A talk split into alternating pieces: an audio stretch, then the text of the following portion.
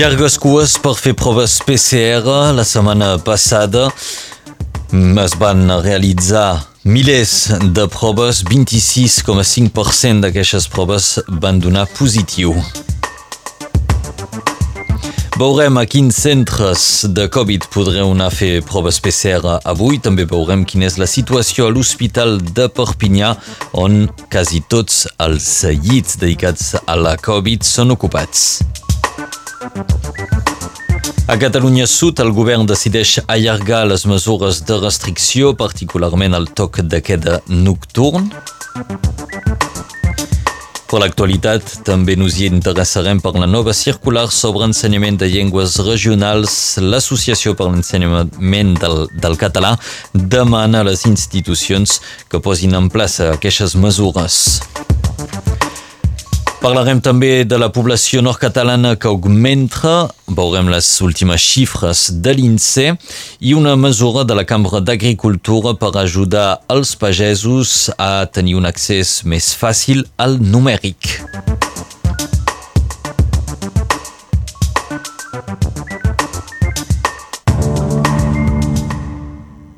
Es multipliquen les proves PCR a Catalunya Nord. La setmana passada es van realitzar 22.500 proves, de les quals un 26,5% van ser positives.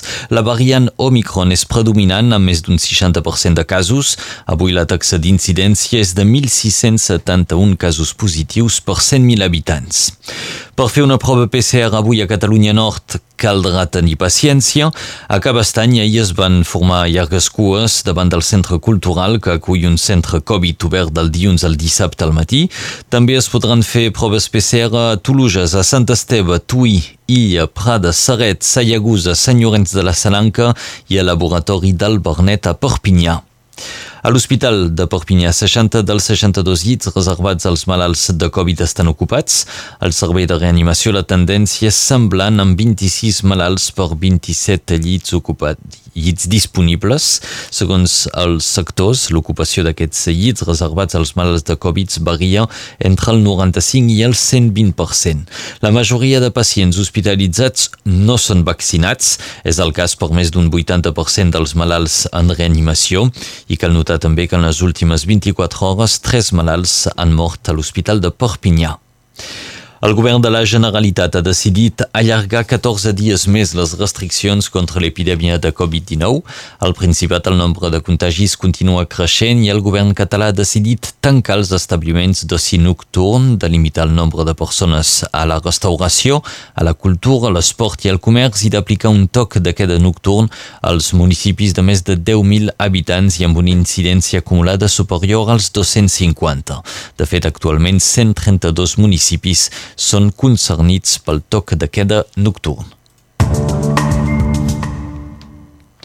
La nova circular sobre ensenyament de les llengües regionals, publicada el 16 de desembre passat, inclou la disposició de la llei MOLAC, segons la qual la llengua regional és una matèria ensenyada en el marc de l'horari normal de les escoles, col·legis i liceus, amb l'objectiu de proposar l'ensenyament de la llengua regional a tots els alumnes.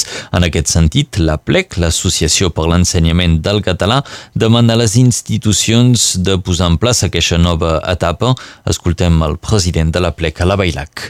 Amb el nou text a la mà, el que plantejarem eh, a les eh, instàncies de concertació i de, de diàleg amb l'educació nacional, que sigui a nivell local o que sigui a nivell ministerial, pels mesos i els anys a venir, és de demanar que s'obrin més eh, classes bilingües, que s'obrin eh, més eh, iniciació a tot arreu. Nosaltres pel català la política de l'oficina pública és molt clara, és de plantejar que el català sigui proposat a tots els establiments, escoles, col·legis, liceus i a tots els alumnes. Doncs nosaltres l'objectiu és que se generalitzi progressivament, sabem que se farà pas en els pròxims 6 o 12 mesos, però eh, en els pròxims eh, mesos o anys volem que l'ensenyament sigui proposat eh, pel català a tothom, a base de plans eh, que es poden actualitzar cada any, de manera que eh, a terme tothom tingui accés a l'ensenyament del català i que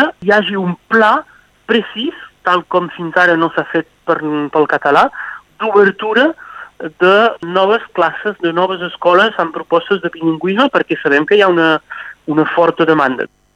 Eren les explicacions de la Bailac, president de la PLEC, el grup tècnic departamental pel català i el Consell Acadèmic de les Llengües Regionals s'ha de reunir aquest mes de gener per tractar la qüestió.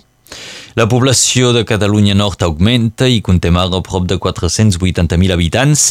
L'INSEE acaba de publicar les xifres de població i el nostre departament continua sumant habitants amb una mitjana de 2.800 nous residents cada any. Aquest augment s'explica essencialment per la immigració majoritàriament vinguda de la resta de l'estat francès. Perpinyà té una població estable amb 119.344 habitants.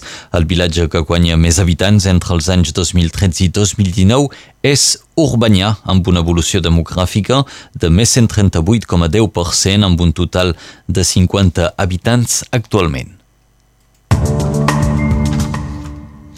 La Cambra d'Agricultura acaba d'obrir un nou servei per facilitar l'accés al numèric als agricultors. Avui és impossible prescindir d'un ordinador, d'un mòbil o d'una tauleta. Molts pagesos es troben amb dificultats al moment de servir-se d'aquestes eines. Per això la Cambra d'Agricultura ofereix gratuïtament un servei d'acompanyament amb una consellera que proposarà una formació i eines directament relacionades amb l'agricultura. Si seu pagès i voleu aprendre a gestionar les dades de la vostra vostra explotació, per facilitar-vos eh, la vida al moment de fer tràmits administratius, podeu omplir un formulari a la pàgina web po.chambre-agricultura.fr. Ha mort Henri Costa, líder, antic líder de la Federació Nord-Catalana del Partit Comunista fins l'any 1982. Nascut a l'Erau, Henri Costa va ser elegit al departament als anys 70. Henri Costa va morir ahir a l'edat de 86 anys.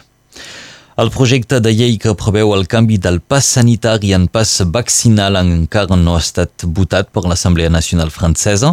Ahir la sessió de debat va ser suspesa poc després de la mitjanit a causa d'un gran nombre d'esmenes presentades contra el text.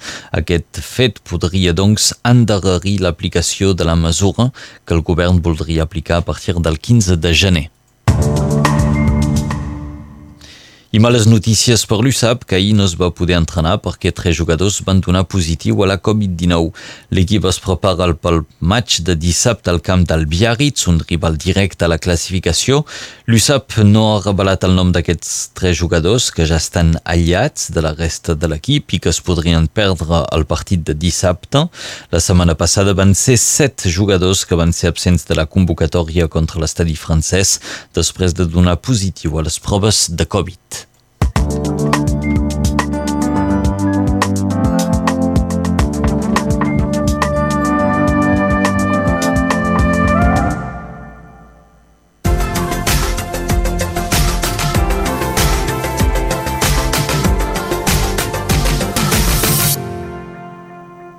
Avui hauria de ser l'últim dia d'aquest període excepcional amb un temps més dolç del que és habitual en aquesta data.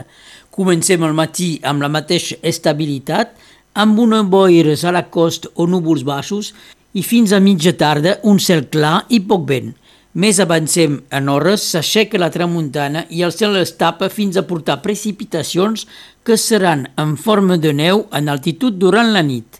Fins a aquest canvi, la temperatura és encara agradable, sobretot cap a l'interior a cotes mitjanes, com són alguns llocs del Conflent o del Vallespí. 9 als Angles, 10 a Eina, 12 a la Tor de Carol, 17 a Oleta i a Prada, 15 a Espirà de Conflent, 13 a Pontellà, 14 a Argelès i a les Cluses, 15 a Costuja, 13 al Soler, 14 a Vingrau i a Rasigueres. Sobre les pistes dels angles, el sol amagat pels núvols els pondrà dos minuts passat dos quarts de sis a les 17 i 32. El 4 de gener de 1960 mor l'escriptor Albert Camus d'arrels catalanes del costat de sa mare. El 4 de gener de 2007 mor el cartellista famós de l'època republicana espanyola Carles Fonseré. Avui és Sant Titus, Sant Rigobert i Santa Angela de la Creu. És el dia de naixement de Louis Braille i doncs el dia mundial del mètode de llegir i escriure pel sex que va crear i que porta el seu nom.